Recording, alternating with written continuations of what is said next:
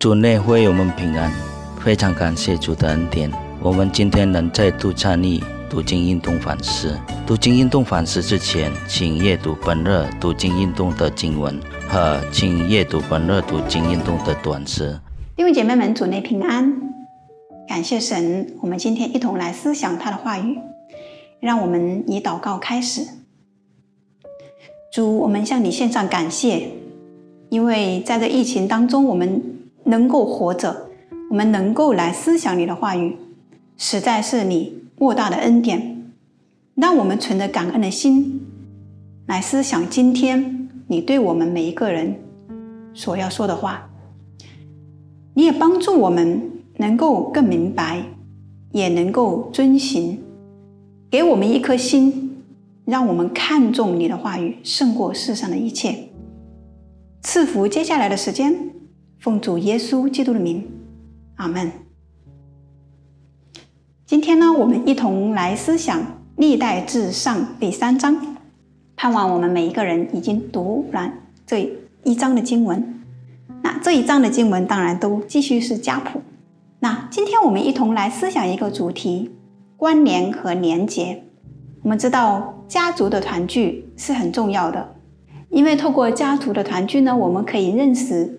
家族的本源，我们更认识亲族的关系，也让我们更认识我们自己。那历代至上也是关于啊这类似的宗旨。作者呢，他是用的很冗长的这样的家谱来开展他统一的工作。那他记载了一位有位格的神，他对人特别的慈爱。那当我们来看这第三章的家谱有什么特别之处吗？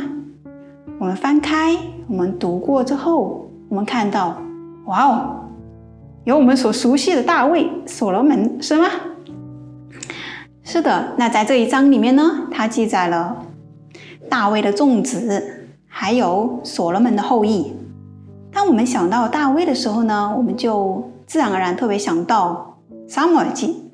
那《撒母耳记》呢，记载了很多的故事，像大卫的故事、所罗门的故事。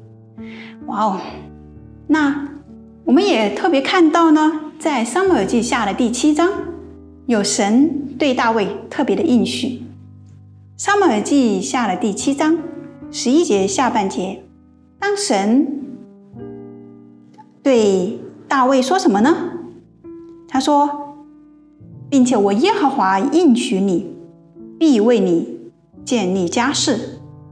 第十六节说：“你的家和你的国必在我面前永远坚立，你的国位也必坚定，直到永远。”大卫要给神建立圣殿，但是神应许大卫要为大卫建立家室、国位，并且建立他的国。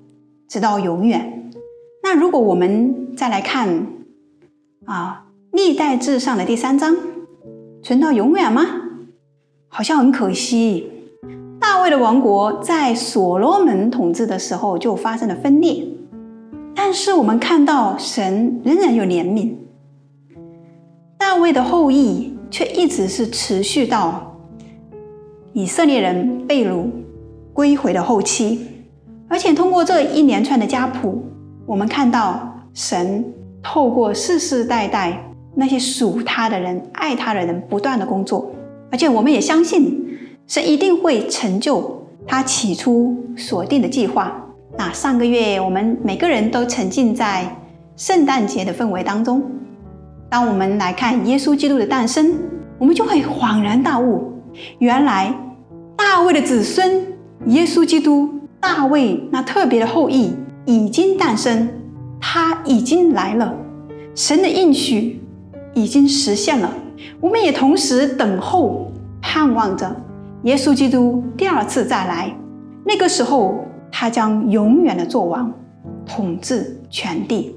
所以，我们看到神对以色列人的爱，对那些真正属他的、敬畏他的人的爱。永不改变，他也会信守诺言，感谢神的恩典。今天我们这些属神的人，我们也是大卫的子孙，我们也是亚伯拉罕的后裔。我们在基督里面，我们有美好的将来。那我们怎么样回报他呢？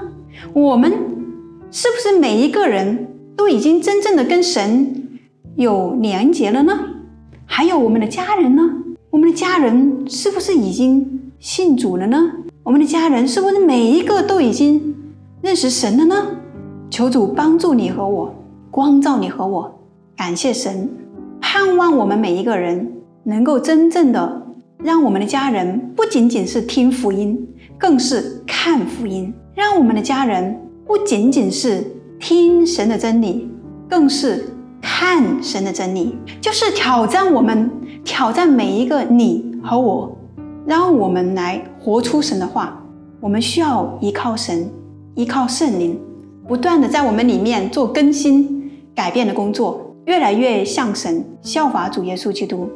我们的家人是我们所爱的，神把我们放在家庭当中，让我们不辜负神的期待，让我们真正的从心里面好好的为家人守望，也立志在新的一年，二零二二年。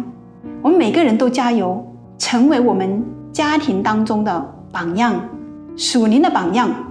求神给我们每一个人力量，阿门。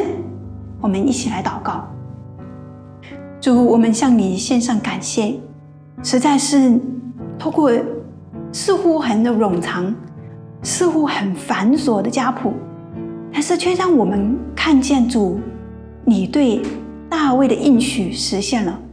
你对那些敬畏你、仰望你的人的应许实现了，他们的盼望没有落空。我们这些我们愿意来信靠你的人，主，你也不会让我们盼望落空。